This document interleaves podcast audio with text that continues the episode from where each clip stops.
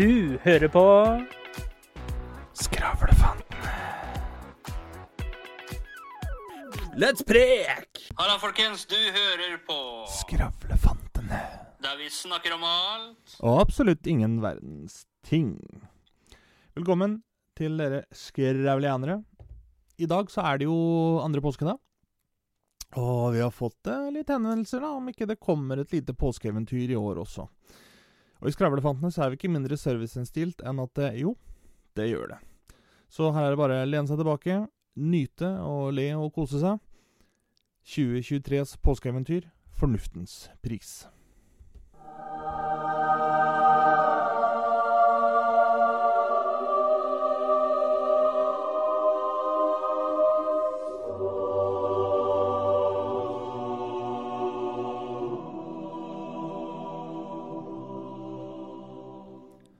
Mørket faller rolig til over byens høye bygninger.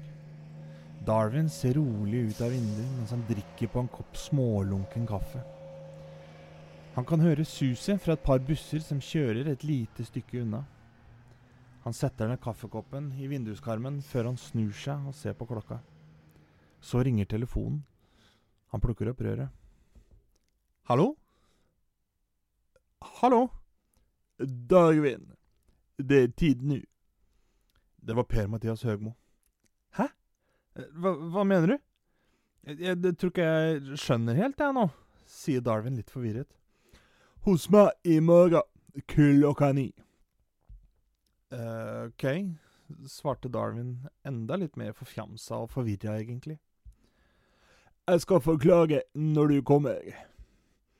Høgmo la på røret, litt rolig, men også litt raskt. Darwin skjønte ikke helt greia, men tenkte at det, det måtte jo være noe i gjære, for Høgmo pleier ikke å være sånn til vanlig. Han bestemte seg for å gå og legge seg, slik at han kunne få litt søvn og et par timer på øyet, som han kaller det, før han skulle komme seg av gårde til Høgmo. Morgenen kom, Darwin sto opp. Han dro på seg bukse, skjorte og tok på seg skinnjakka si, trakta seg en rask kopp med kaffe og snøra på seg skoa. Så skyndte han seg å drikke opp kaffen og la i vei til Høgmo sin residens. Langs veien så syntes han at det var en litt merkelig stemning. Det pleide liksom ikke å være så stille. At det var stille, var jo én ting, men uh, dette her var noe helt annet. Ingen susing fra busser, ingen småprat, ikke noe fuglekvitter. Åh, dette var merkelig, tenkte Darwin. Plutselig begynner han å høre en svak buldring i det fjerne. Han snudde seg rundt, men han kunne ikke se noe. Han fortsatte å gå, men eh, ikke etter mange meterne så ble buldringa sterkere og litt nærmere. Han tittet bak seg og kunne se i den litt nære horisonten en mengde med folk samt støvskyen som fulgte etter. Det var Oak-brigaden sitt stormløp som kom rasende nedover veien, akkurat som den flokken med gnuer i Løvenes kongefilmen. De var på utkikk etter ofre og andre mennesker som feilidentifiserer kjønn på jenter med blått hår. Darwin begynte å løpe, han så et buskur, han tok en bråsving og kasta seg ned i grøfta. Brigaden løp forbi. Støvskyen hadde ikke rukket å legge seg før Darwin skjønte at han måtte komme seg til Høgmo fort som faen. Han tok til venstre i et veikryss, litt bortenfor, og småjaga frem til Høgmo sin bopæl. Han kjappet seg gjennom porten og løp opp til døra og ringte på. Og der var det Vålerenga og tidligere FFK sin sportssjef Joakim Jonsson som åpna døra. Neimen i jøsse navn, Darwin, der er det jo! Kom inn nu da, Darwin, kom inn nu! De går inn gjennom gangen og inn i spisestua til Høgmo. Darwin, du kom deg frem i livet. Møtte du på noen? Nja, det, det, var jo en flokk som kom stormende nedover rett nedi her, men ah, nettopp. Vet du hvem disse er? Det er Woke-brigaden. De er ute etter ofre å mobbe og kansellere. Det er derfor jeg har kalt deg hit, Darwin. Fornuften har gått fullstendig ut av kontroll. Etter inflasjonen og strømprisene sin økning har folk gått helt i spinn. De importerer problemer fra USA og prøver å polarisere folkene i landet. Slik at de kan tvinge folk til å installere solcellepanel på takene sine. Problemet er at disse solcellepanelene, som de har monopol på og skal selge, inneholder et stoff som gjør at folk mister fornuften. De går etter alle som er uenige med dem. Vi må stoppe de, Darwin. Men, men hvordan? Og hvem er det egentlig som er ansvarlig for dette? Er, er det Woke-brigaden? Det er det man skulle tru. Men de bruker bare brigaden som et skalkeskjul. Eller eh, vaktbikkje, da, om du vil. Men, men altså, hvem er det som er ansvarlige? Hvem er sjefene for dette her? Politikerne, Darwin. Politikerne. Norges politikere hadde bondet sammen og gått inn for et monopol på solcellepaneler, slik Høgmo snakket om. Planen var å bruke Woke-brigaden og antivaksere som skalkeskjul. Og sette de opp imot hverandre og andre mennesker som et sjakkspill. Slik at politikerne kunne snike inn salg av solcellepaneler. Disse panelene ville skille ut gass i husenes elektriske anlegg og gjøre folk til en selvgående plapremaskin uten verken innhold eller kunnskap om det som skjer rundt. Litt slik Kari Jakkesson har herjet i Oslo tidligere og under pandemien. Dette ville føre til at politikerne i Norge ville kunne beholde makten hele sin tid, uten å bli utfordra eller satt krav til at de faktisk måtte møte på jobb og gjøre noe vettug for føden. Darwin spurte hvordan de skulle klare å komme seg til kjernen.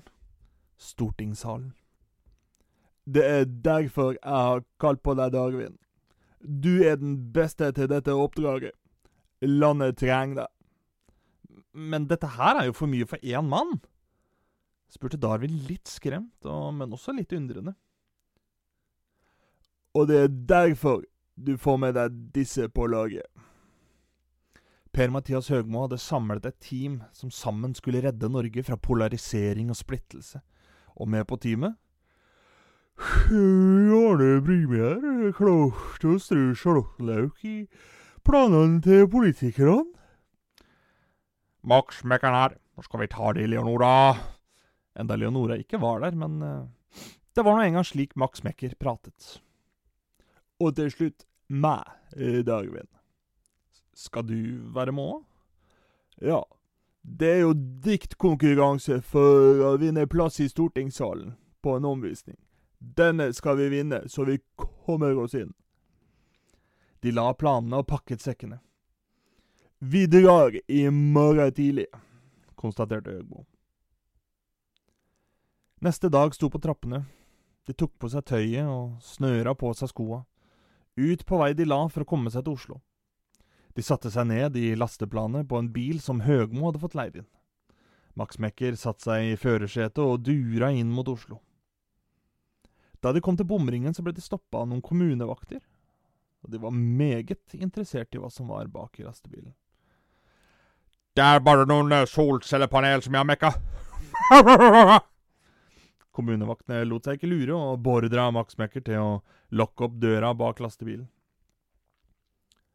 Max ble litt smånervøs, men måtte jo bare gjøre som han fikk beskjed om, ellers så ville han jo bli skutt av kommunevaktene. Da åpner jeg døra, ærede kommunevakter. Og idet døra går opp, så spretter Arne Brime ut av lasteplanet og gir den ene vakten et skikkelig karatespark rett i haka, før han napper opp en liten pose fra lomma. Der har han ferdig oppkutta charlottenløk, som han kaster i en fei rett i øya på den andre vakten.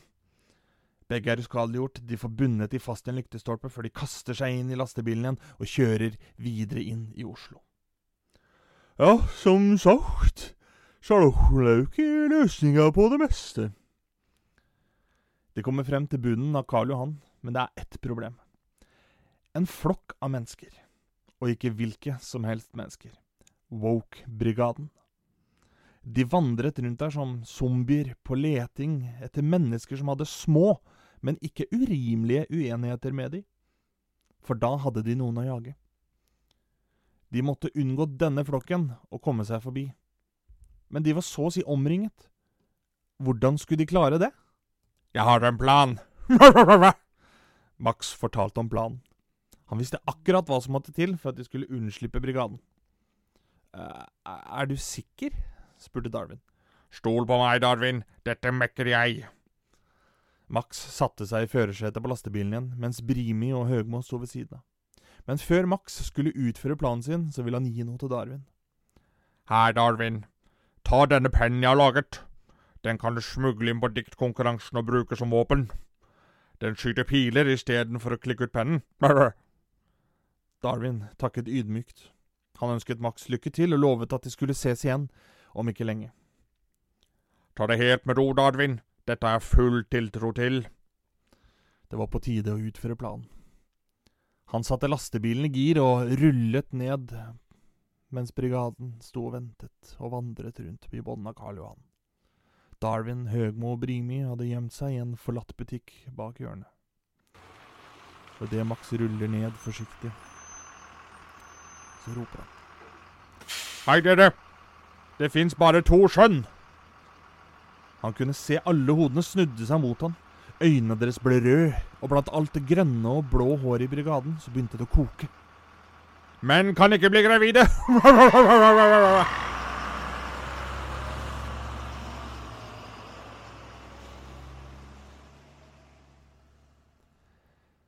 Klampen i bånn og ut derfra kjørte Max av gårde. Brigaden ble fyrt fullstendig opp og satt fart mot lastebilen, og Max Mekker som sagt kjørte pedalen i bånn og børna ut fra Karl Johan mens brigaden stormløp etter. Karl Johan var klarert. Nå var det å jobbe seg opp mot Stortinget og til diktkonkurransen som var i morgen. De fant en annen butikk som var forlatt et stykke opp i veien, og bestemte seg for å campe der. Darwin eh, titta rundt seg, og hvorfor var nettopp denne butikken forlatt? Høgmo forklarte at eh, det her, Darwin, er en gammel bokhandel. De solgte faktabøker om eh, forskning og biologi. Og det er grunnen til at det ble lagt ned? Ikke lagt ned, Darwin. Kansellert. Brigaden tålte ikke fakta som ikke passa deres narrativ, og kansellerte derfor alt som kunne tolkes som at man ikke var Woke-brigaden underdanig. Darwin tenkte i et par sekunder. Men altså, woke Det betyr at du er opplyst. Gjør det ikke det? det? Det burde jo være bra. Problemet er at de ikke veit hvor nære det egentlig er hverandre. Stemmen tilhørte en som steg sakte frem fra mørket. Det var Dag Otto Lauritzen. Dag Otto Lauritzen! utbrøt Darwin. Det er meg. Hva, hva gjør du her? Dag Otto Lauritzen forklarte at han eh, prøvde å jobbe undercover med kompaniet sitt, altså de tidligere vinnerne av Kompani Lauritzen, før han forklarte Darwin om eh, woke-problematikken. Altså, man går i en rett linje på det politiske kompasset, men man går i en bue. Og det er derfor man mener ikke ting bare i en rett retning. Så jo lengre venstre du går på kompasset, jo større bue. Og det samme mot høyre. Til slutt så har man gått så langt venstre, og så langt høyre, at man møter hverandre på midten, bak sitt eget utgangspunkt. Akkurat som at rasister og antirasister mener det samme, bare på forskjellig grunnlag.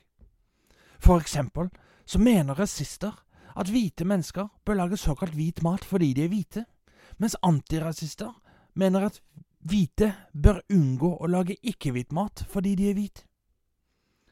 Og, det er dette du og kompaniet ditt jobber med? Å finne intel om det? Det stemmer. Darwin forklarte om oppdraget de var på, og at de måtte avsette de menneskene som kjørte landet i grøfta, og menneskene mot hverandre. Og Dag Otto Lauritzens info kunne komme meget godt til nytte. Men så kommer det som setter hele opplegget og oppdraget på hodet. Det var ikke politikerne som sto for krisen i landet. Ikke? utbrøt Darwin. Men, men altså, hvem er det da? Det er Durek.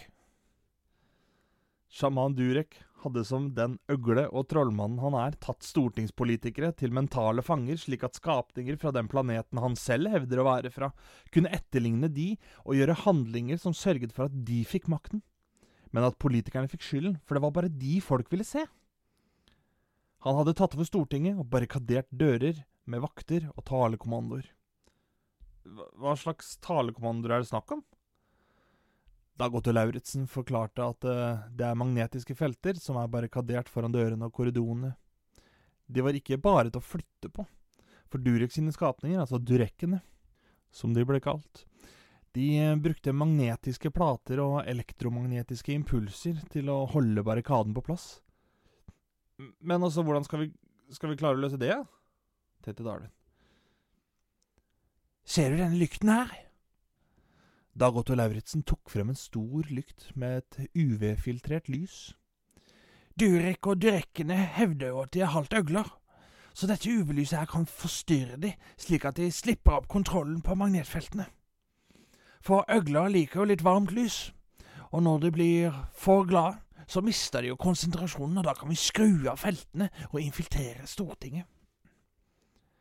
De ble enige om hvordan de skulle infiltrere Stortinget dagen etter, men eh, fant ut at eh, de fikk få i seg en matbit og litt søvn, slik at de hadde krefter til oppdraget. Brimi rasket opp litt mat, og når alle var gode og mette, var det tid for søvn. Jeg tar første vakt, jeg, ja, sa Darwin. Stillheten senket seg fullstendig over Karl Johan mens resten av gjengen lå og sov. Darwin stirret ut i natten. Han måtte være forberedt til i morgen alltid ha en utvei i tilfelle noe gikk galt. Neste morgen var på trappene. Arne Brimi, som hadde hatt siste vaktskift, begynte å vekke gjengen, slik at de kunne få i seg frokost før ferden gikk videre. Du, jeg må jo ned armen. I morgen nå. Rundt frokostbålet inne i den forlatte bokhandelen gikk praten om hvordan de mest effektivt kunne komme seg frem og inn første dør på Stortinget. Dag Otto Lauritzen hadde en idé.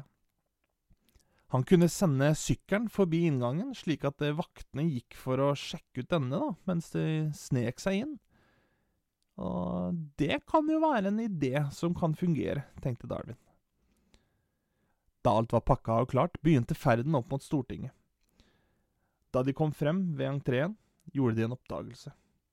Og det er en oppdagelse de ikke hadde tatt med i beregningen. Durekkene hadde jammen klart å få Sian til å være dørvakter. Og de kunne jo ikke brydd seg om en trillende sykkel. Hva skal vi gjøre nå? tenkte Darwin. Darwin fikk øye på to frittgående etterstreglere som hadde gått seg bort fra Vågbrigaden. Han forklarte planen sin til Dag Otto Lauritzen, og de måtte bare satse alt på at denne planen funka. Dag Otto Lauritzen sykla pent og forsiktig bort til de to fra Vågbrigaden og ropte. Hei, dere. Jeg respekterer ikke deres pronomen, fordi det er ødeleggende for LGBT pluss-miljøet. De to etternølerne fra Vågbrigaden ble rasende og satte i løp mot Dag Otto. Han tok opp en boks med kakaopulver som Brimi hadde pakka med seg. Han kasta den i bakken så det ble en stor sky av sjokoladepulver som de løp igjennom. Dag Otto satte klampen i bånn og sykla som han gjorde i sine glansdager da han var idrettsutøver. Han suste ned forbi Sian, som sto vakt ved inngangen til Stortinget, med de to fra Vågbrigaden hakk i hæl. Men på grunn av sjokoladepulveret de hadde løpt igjennom etter at Dagotto kasta boksen han fikk av Brimi i bakken foran dem, hadde de masse kakaopulver i ansiktet og så ut som de hadde en annen hudfarge. Og da tente selvfølgelig Sian på alle plugger, og la ut på jakt etter de to som løp bak Dag Otto. Dag Otto fikk speeda opp og sladda inn bak et hjørne. Han løp opp en trapp inn til en gammel, nedlagt kafé. Han hoppa ut av vinduet og klatra de siste to-tre meterne ned. Løp opp til Darwin, Høgmo og Brimi. Inngangen til Stortinget var nå klarert. De gikk mot døra, men så ser du at det er jo ikke noe håndtak der. Hvordan skal de klare å komme inn nå? Kuchen, altså! utbrøt Brimi. De hørte en lett humring på andre siden av døra. Det knirket litt i dørkarmen, akkurat som døra var liksom litt i ferd med å åpne seg, men ikke helt gjorde det. Og da gikk det opp et lys for Dag Otto. Det er durekkene.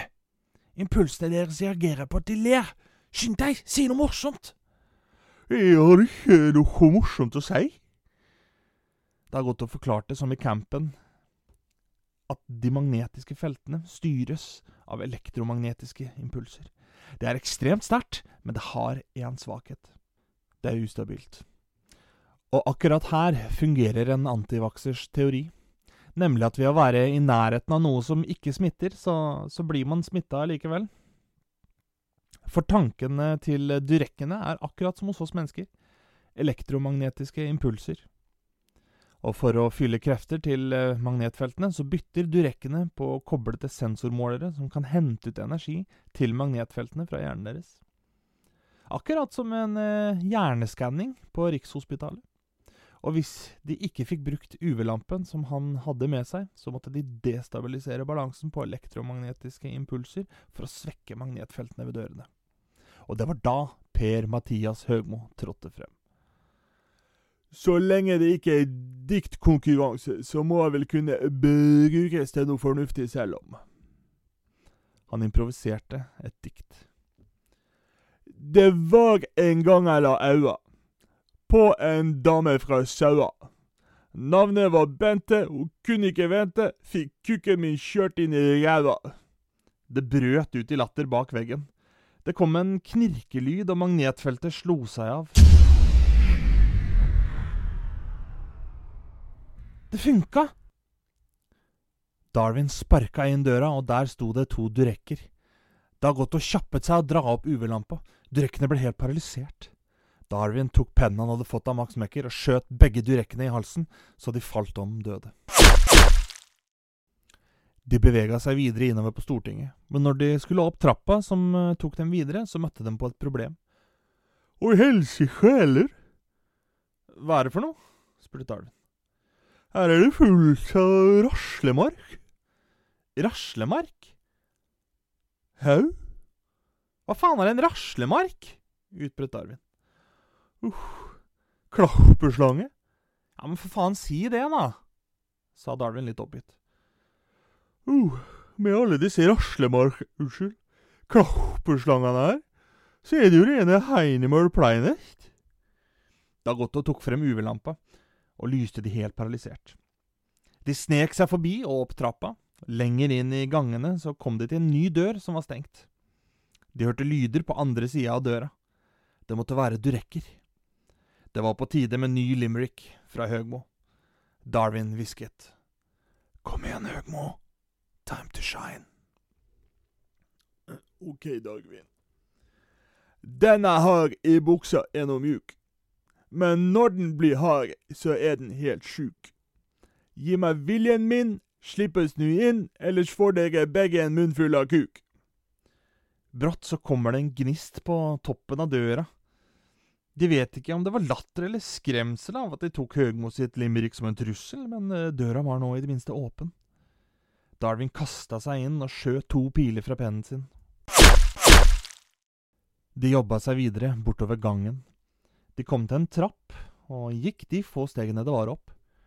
Nå var det ikke lange veien igjen til stortingssalen. Men idet de runder hjørnet, hopper det frem to durekker. De får overfalt av Gotto Lauritzen, så UV-lampa hans går i bakken. Darwin fikk gitt en venstre hook til den ene durekken, mens Dagotto ga den andre en lusing i bakhodet. Begge var nå uskadeliggjort. Darwin børstet av seg litt støv og tittet ned på UV-lampa til Dagotto. Den var knust. Darwin tenkte at nå var det ille ute. Hvis de ikke kunne bruke UV-lampa til å bedageliggjøre durekkene slik man kan da, med øgler og firfisler. I sjava heller, utbrøt Agoto. Han bøyde seg ned for å plukke opp UV-lampa. Au! I svarte heller! Han fikk et kraftig støt. Og da går det opp for Darwin.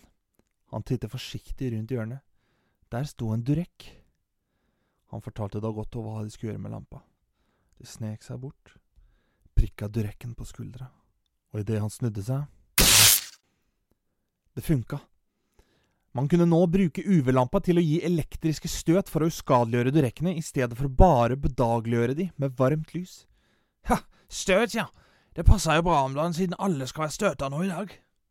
Men så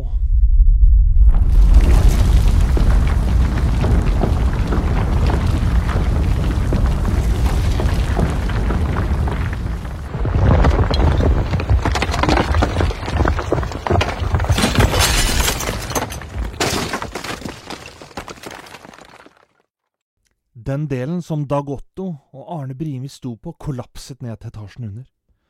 Går det bra med dere? ropte Darwin. Jau da, det går nok greit med oss, ja. Så hører de et voldsomt leven litt lenger unna. Det var en stor tropp med durekker som kom for å angripe.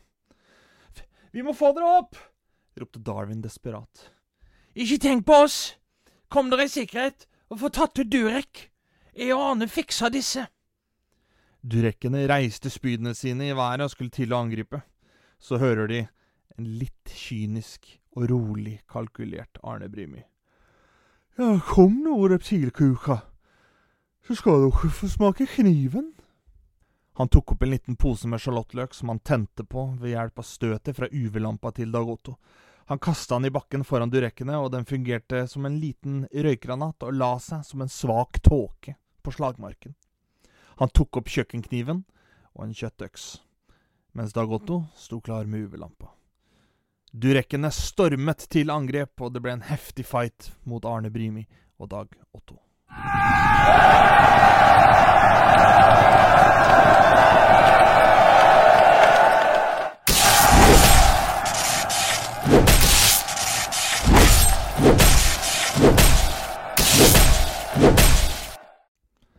Darwin og Høgmo løp videre og fikk runda to hjørner, og der, der var hoveddøra til stortingssalen. Den var barrikadert sterkt. Darwin kunne se gjennom en liten rute på døra at det sto fire durekker, med hver sine ledninger kobla til en hjerneskanner hvor de fikk opp bildet på skjermen. Så plutselig begynte Darwin å tenke litt på filmen Monsterbedriften, hvor monstrene henter energi til sin verden gjennom skrik og latter fra barn som de henter fra menneskeverden og hjem til seg. Kunne den samme teorien i prinsippet fungere her? Og dermed sørge for overspenning mens de var kobla til ledningene? Han visste at durekkene var svake for én ting satire.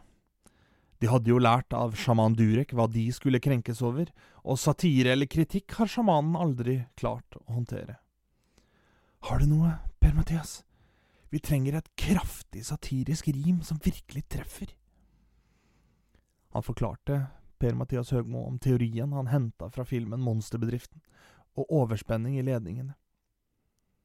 Per-Mathias tittet litt lurt på Darwin, før han med glimt i øyet sa La oss ta disse reptilkukene. Han stilte seg opp foran døra, og med brask og bram så ramset han opp et satirisk dikt som få andre kunne treffe bedre med. Det var en trollmann på slottet, som av innsikt og fornuft var blottet. Han skyldte på rasisme, men det han ikke visste, er at det er han som ikke har forstått det. Dette er en svindlende mann, som røsker til seg det han kan. Han vender seg helt om, men vi har sett rett igjennom at han er en jævla sjarlatan.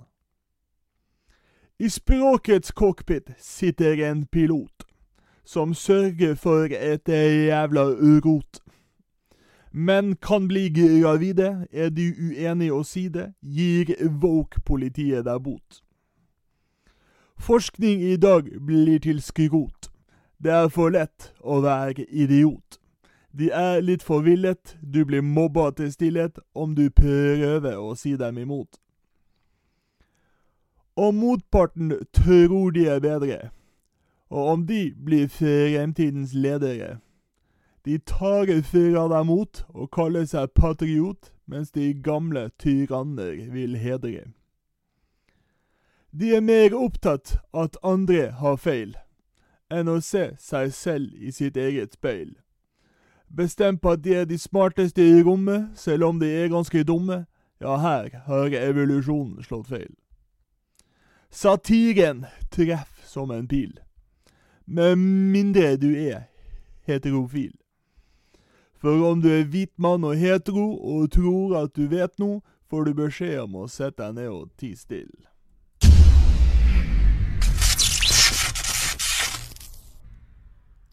Det funka! Det gnistra og knaka i ledningene, og det ble fullstendig overspenning idet magnetfeltet i døra slo seg av. Durekkene på innsiden fikk støt gjennom ledningene, og dataskjermen eksploderte. Så ser de bakerst i rommet en siste dør. Bak der var sjaman Durek. Nu tar vi han Durebas, Dagvin.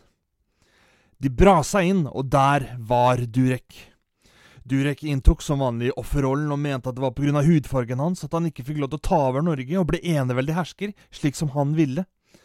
Per-Mathias tok tak i et glass som sto på bordet ved siden av, og han kastet det mot Durek.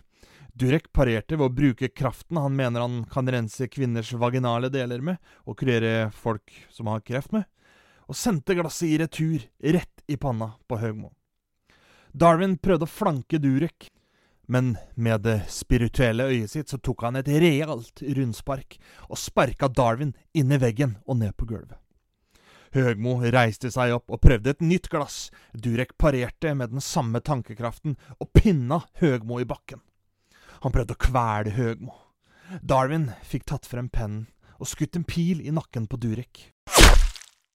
What the fuck? brøt ut fra Durek, mens Høgmot fikk tak i et skjerf som sjaman Durek bruker ute på oppdrag. Han tok det rundt halsen på Durek og kvalte han mens Darwin fikk inn to slag. Men så tok kreftene til Durek over. Han kasta Høgmo over skuldra og inn i veggen. Høgmo ble liggende. Det lå en tom vinflaske som hadde rulla ned fra bordet på gulvet. Durek brukte kreftene sine og sendte den i retning hodet på Darwin, men Darwin klarte å dukke og skli unna. Han fikk tak i det siste glasset som sto på bordet. Han snek seg rundt det veltede bordet og kasta glasset i siden av hodet på Durek. Han traff, og idet Durek blir litt forfjamsa og snur seg mot Darwin for å ta han med kreftene sine, så skyter Darwin to piler i ansiktet på Durek. Den ene pila treffer midt i ansiktet, og den andre treffer Durek i øyet, og han faller død om. Darwin gikk bort til Høgmo, hjalp han opp, og idet de går bort for å forsikre seg om at Durek virkelig var død, så kommer Dag Otto Lauritzen og Arne Brimi løpende inn. De hadde klart å håndtere troppen med durekker, og storme til for å hjelpe Høgmo og Darwin. De fikk se Durek ligge der død, med piler i ansiktet. I sava heller. Uff, ja. Han der har parkert tøfla og takka for kaffen. Darwin lurer på hvordan det hadde gått med Brimi og Dag Otto. De forklarte hva de hadde gjort, og at de fant ut at uh, durekkene var visst som sjaman Durek uh, selv hadde sagt. Delvis øgle, delvis alligator, krokodiller osv. Men det var ikke noe match for meg og Dag Otto, med UV-lampe og kniv. Han grilla og er kjæreste. Darwin trakk litt på smilebåndet, så for seg hvordan det var å fekte med krokodiller. De gikk ned i kjelleren på Stortinget og fikk løslatt politikerne som satt fanget der. Og når de hadde fått rydda Stortinget, så var det klart at dette måtte jo feires. Ut av det mørke hjørnet kommer det en liten flokk med ompa-lompaer. Kjent fra Charlie og sjokoladefabrikken, blant annet. De var blitt gjemt bort i kjelleren fordi de hadde visst et krenkende navn nå til dags. Men nå fikk de endelig komme fri igjen. Og som takk for frigjørelsen så satte Ompa-Lompaen i gang med ryddingen, og rydda i full fart, nesten litt sånn som amish-folket bygger låver og hus. Et par dager senere så var det fest på Stortinget. Det skulle feires at de var fri, og Darwin, Høgmo, Max Mekker, Dag Otto og Arne Brimi skulle hedres. Arne Brimi hadde også fått det ærefulle oppdraget å stå for maten om han ønsket det. Og det er klart at det, det ville jo Arne. Og mens de sto der i dressene sine og tenkte på alt de hadde vært igjennom, så spurte Darwin om eh, hva som ble servert av mat for tilstilningen. Brimi titta lurt på Darwin og svarte eh, krokodillesteik. Darwin trakk på smilebåndet og tenkte ja ja, det er fornuftens pris.